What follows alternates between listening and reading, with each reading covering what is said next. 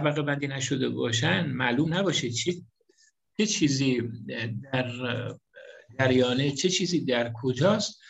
طبیعتا انسان در موقع نیاز نمی‌تونه به اون آگاهی اون موارد دست پیدا بود ذهنم مثل همون انبار میمونه. انباری که گر چیزهای زیادی توش باشه اگه طبقه بندی بشه به موقع نیاز هر موقع احتیاج داشت از اون آگاهی خاص در اون طبقه بندی خاص استفاده می اما اگر همینطور مانند یه ظرف بزرگ انبار بزرگ هرچی آگاهی بود توش ریخت هیچ اینا رو طبقه بندی نکرد. طبیعیه که حالا چه نوشته شده باشه چه در ذهن باشه طبیعیه که استفاده ازش غیر ممکن میشه. Kalau kita mau ambil sebagai analogi, kita analogikan seperti suatu bangunan gudang yang sangat besar. Di dalam gudang itu ada semua yang diperlukan dalam kehidupan.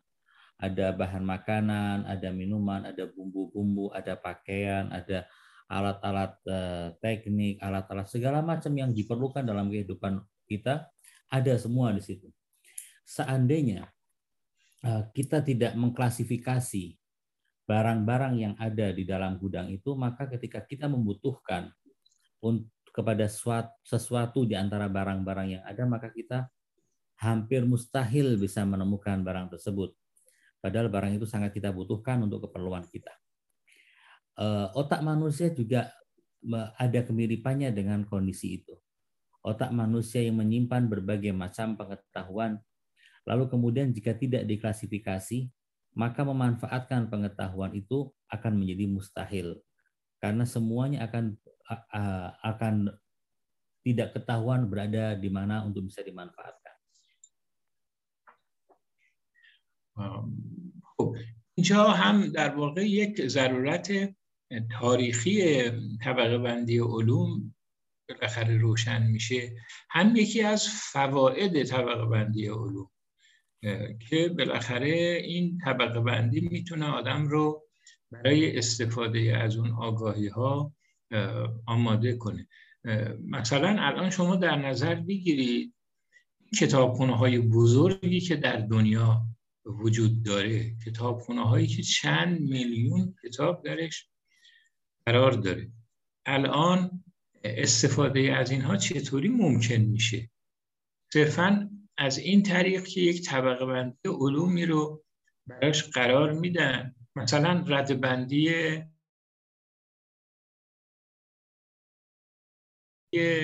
کنگره. خب اینا رو براش قرار میدن تا بتونن تنظیم بکنن و این طبقه بندی موجب میشه که کتابدارها بتونن کتاب رو در اختیار محققان و پژوهشگران خاص اون رشته قرار ومه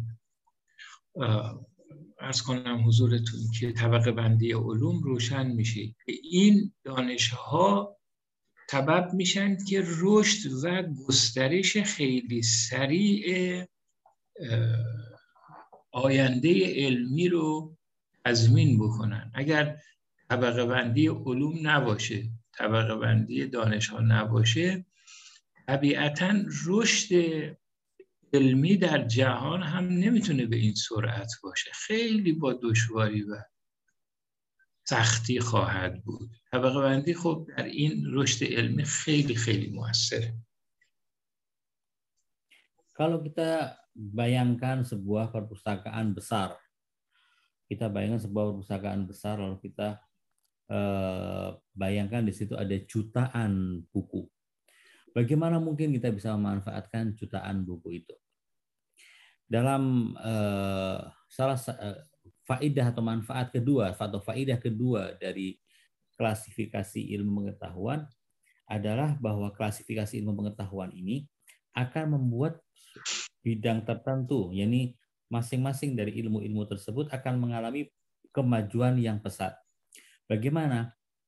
Misalnya di perpustakaan mereka mengklasifikasi buku-buku yang ada di situ. Mungkin berdasarkan disiplin ilmunya atau berdasarkan uh,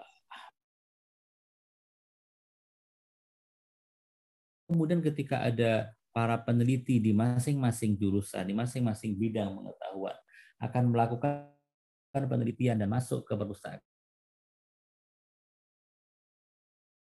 buku-buku yang dibutuhkan. یک ضرورت دیگه ای که و فایده دیگه ای که از طبقه بندی علوم میشه برداشت کرد اینه که باتات میان دانش های مختلف و اولویت های اینها به خوبی مشخص اینکه کامناسی چه ارتباطی داره با فلسفه با علم فیزیک و شیمی و علوم دیگه چه ارتباطی می‌تونه داشته باشه.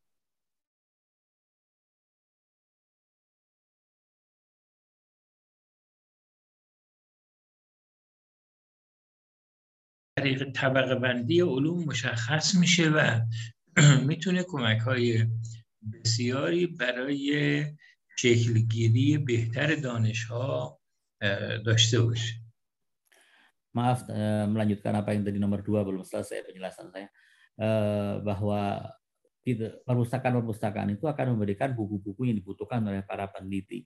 Ketika para peneliti mendapatkan sumber-sumber rujukan-rujukan di perpustakaan-perpustakaan besar sesuai dengan klasifikasi, maka dia akan bisa mengembangkan ilmu pengetahuan itu. Itu manfaat yang kedua dari klasifikasi ilmu pengetahuan.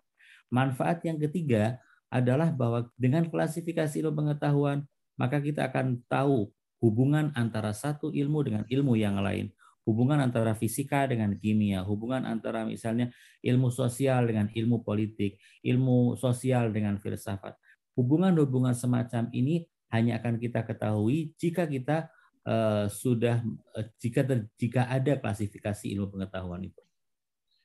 مثلا در نظام آموزشی باعث میشه این طبقه بندی که کارها خیلی ساده تر و مطلوب تر انجام میشه مثلا میان ریاضیات رو یک ریاضیات پایه و اساسی اول تعریف می‌کنن دانش ریاضیات پایه.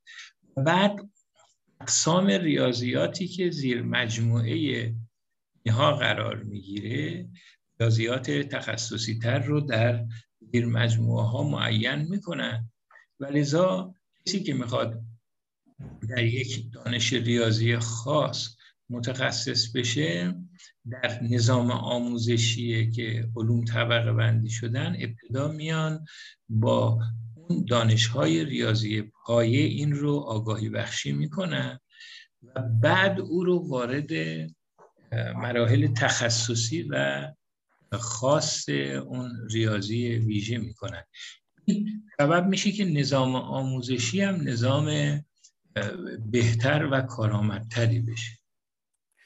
Faedah yang keempat dari klasifikasi ilmu pengetahuan adalah kita akan bisa mengetahui pembagian-pembagian jurusan. Misal, sebagai contoh adalah kita tahu ilmu yang disebut dengan matematika ada ilmu matematika yang murni. Lalu kemudian setelah itu dari ilmu matematika ini muncul cabang-cabang seperti aljabar, aritmatika dan yang lainnya. Semua ini masuk dalam dalam satu induk eh, dalam satu induk ilmu yang disebut dengan matematika. Lalu kemudian masing-masing dari cabang-cabang itu akan bisa dikembangkan eh, sesuai dengan eh, dengan apa namanya eh, jurusan-jurusan dan ke dan apa namanya dan identitasnya identitas daripada jurusan-jurusan tersebut dan pembagian-pembagian tersebut ini akan memud akan semakin membuat ilmu pengetahuan semakin berkembang dengan pesatnya. یک نکته مفید دیگری که در این طبقه بندی دانش وجود داره که افراد بر اساس استعدادهای خودشون می‌تونن دانش مورد نظر رو انتخاب بکنن. اگر دانش طبقه بندی نشده بود همه مثل همون انبار به هم ریخته بود افراد نمی‌تونستن تصمیم دانش مراجعه کنن. چون همه چیز در هم بود.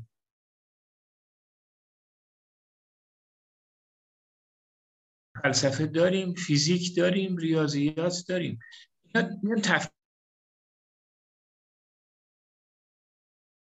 فرد میاد علاقه خودش رو می‌بینه یا استعداد خودش رو می‌بینه به یکی از این رشته ها بیشتره. مثلا به رشته پزشکی یا به رشته ریاضیات. انسان ها می‌تونن استعدادهای خودشون رو زودتر منطبق با دانش بکنن و خب این باعث میشه که از نظر نتیجه بخشی و همینطور رشد انسان ها کار خیلی بهتر انجام میشه Berikutnya adalah uh, manfaat berikut atau faedah berikutnya dari klasifikasi ilmu pengetahuan adalah bahwa dengan adanya klasifikasi ilmu pengetahuan masing-masing orang yang ingin masuk ke dalam uh, dalam dunia pengetahuan ilmu pengetahuan dia akan tahu potensi dan bakat dia atau kecenderungan yang dia miliki.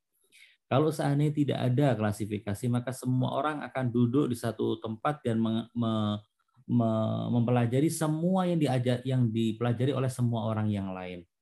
Seperti misalnya eh, gudang yang tadi kita eh, permisalkan akan menjadi seperti itu. Orang semuanya semua yang ada akan di akan dipelajari sehingga eh, hal semacam ini akan membuat tidak ya, kadang orang mempelajari sesuatu yang tidak sesuai dengan bakatnya.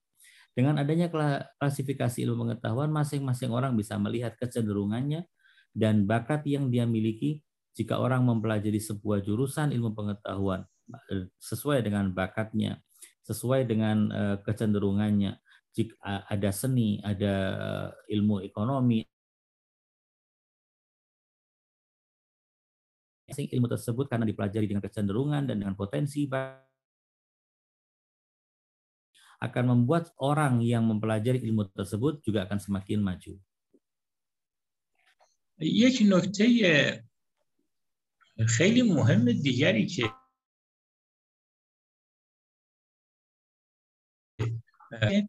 علوم دارای شناسنامه میشن و دارای تاریخ میشن مثلا وقتی که شما دانش فیزیک رو. مثلا می‌بینید از زمان عرب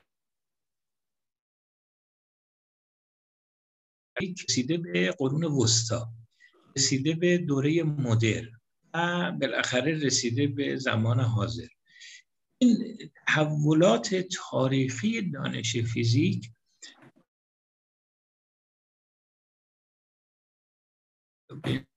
وقتی که خب فیزیک شده باشه. اون وقت این آگاهی به تاریخ علوم برای کسانی که به دنبال رشد علوم هستن خیلی می‌تونه نقش آفرین باشه. حالا اینو توضیح میده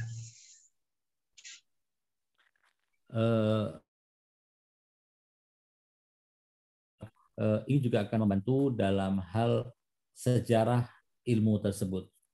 Sebagai contoh misalnya ilmu fisika yang sudah di, uh, dipisahkan dan dibedakan dengan ilmu-ilmu yang lain dari zaman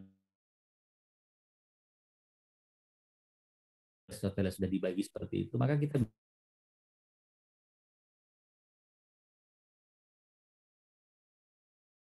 dan sampai sampai zaman sekarang kita akan bisa melihat uh, sejarah perkembangan ilmu pengetahuan itu setelah ilmu tersebut terpisahkan dari ilmu-ilmu yang lain sebagaimana fisika yang tadi kita contohkan ketika dia belum dipisahkan dari dari ilmu-ilmu yang lain maka kita tidak akan bisa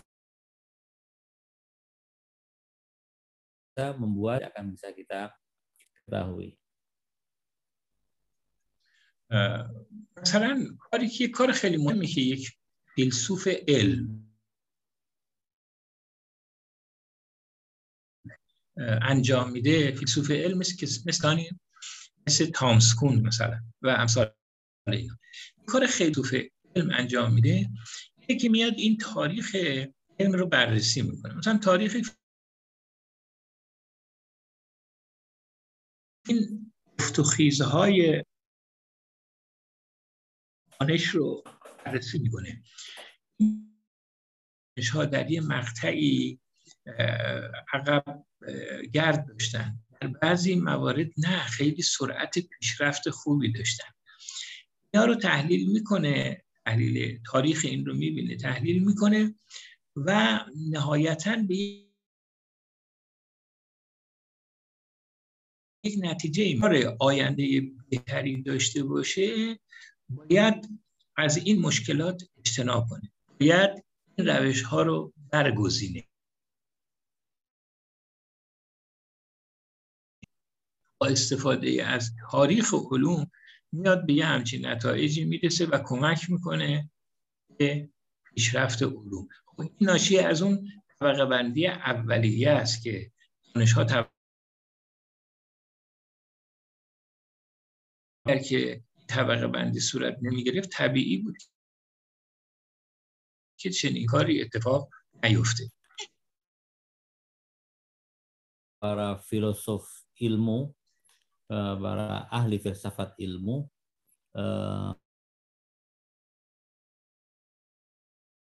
mereka mempunyai ilmu lalu kemudian bisa melihat bahwa misalnya ilmu fisika dalam masa tertentu dia mengalami kemunduran di masa kemudian faktor-faktornya akan dilihat lalu kemudian akan membuat sebuah eh, kesimpulan dan membuat sebuah arahan bahwa jika ilmu fisika ingin mengalami masa kemajuan dan kejayaan dan bisa meraih metode itu dan menghindarkan hal-hal semacam ini atau hal semacam itu.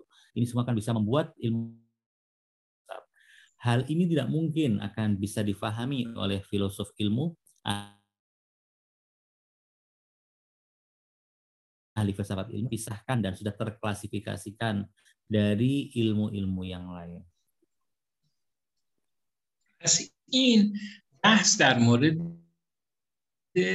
اینکه طبقه بندی چقدر مفید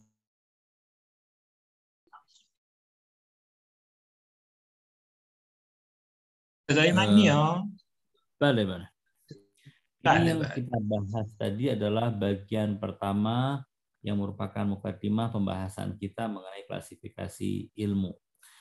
Bagian yang berikutnya yang ingin saya sampaikan adalah bahwa kalau kita sudah menyadari pentingnya klasifikasi ilmu pengetahuan dan manfaat-manfaat yang ada di baliknya, yang menjadi pertanyaan adalah bagaimana kita melakukan klasifikasi itu atau dengan kata lain parameter atau eh, atau tolok ukur apa yang mau kita jadikan sebagai acuan di dalam memisahkan satu ilmu dari ilmu yang lain.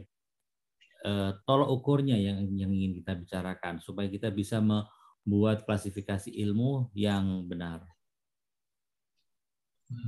اینجا اگر دوستان نکته ای صحبتی دارن مطرح کنن تا به این nukte دومی که اشاره کردم برید. Sampai di sini kalau ada yang mau memberikan komentar, bertanya atau menyanggah silakan untuk disampaikan terlebih dahulu sebelum kita masuk pada pembahasan yang kedua.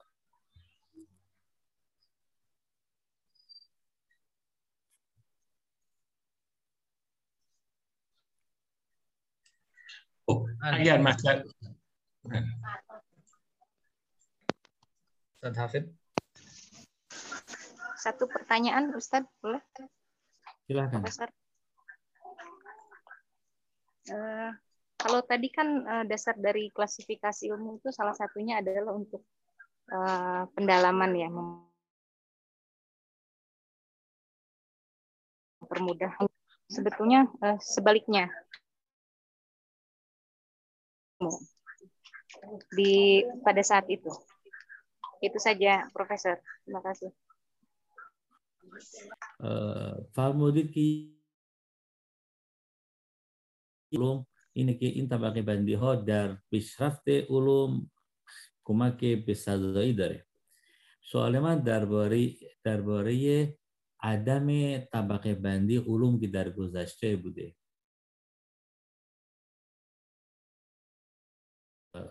اون زمان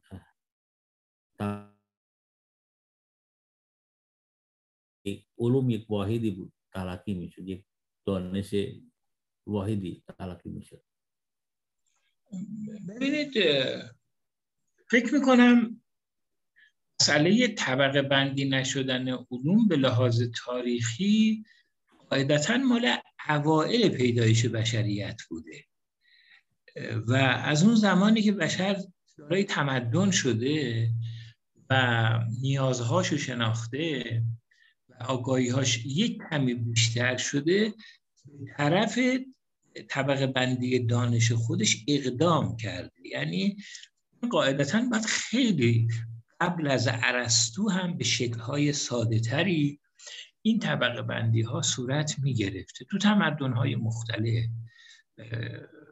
در شرق آسیا چه در غرب آسیا چه در اروپا چه در جاهای دیگه شکل گرفته یعنی ولو به شکلهای خیلی ساده. منتها شکل مدونش و این چگونه طبقه بندی شده و اینها خب البته یه مقداری زمان برده. لذا میشه گفت که این طبقه بندی دانش از همون مقداری بعد از اینکه انسان پیدا شده و دانشش بالا رفته این طبقه بندی ها به طور طبیعی صورت می گرفته Tentunya masalah klasifikasi ilmu ini sudah terjadi pada zaman yang sangat lama. Jadi jangan dibayangkan hanya terjadinya pada zaman Aristoteles. Sebab kalau kita mau bicara masalah ilmu yang belum diklasifikasi, ini tentunya berhubungan dengan manusia-manusia awal di zaman yang sangat-sangat lama. Ketika saat itu kebutuhan manusia masih tidak banyak, sehingga untuk mendapatkan pengetahuan juga tidak terlalu banyak yang dibutuhkan.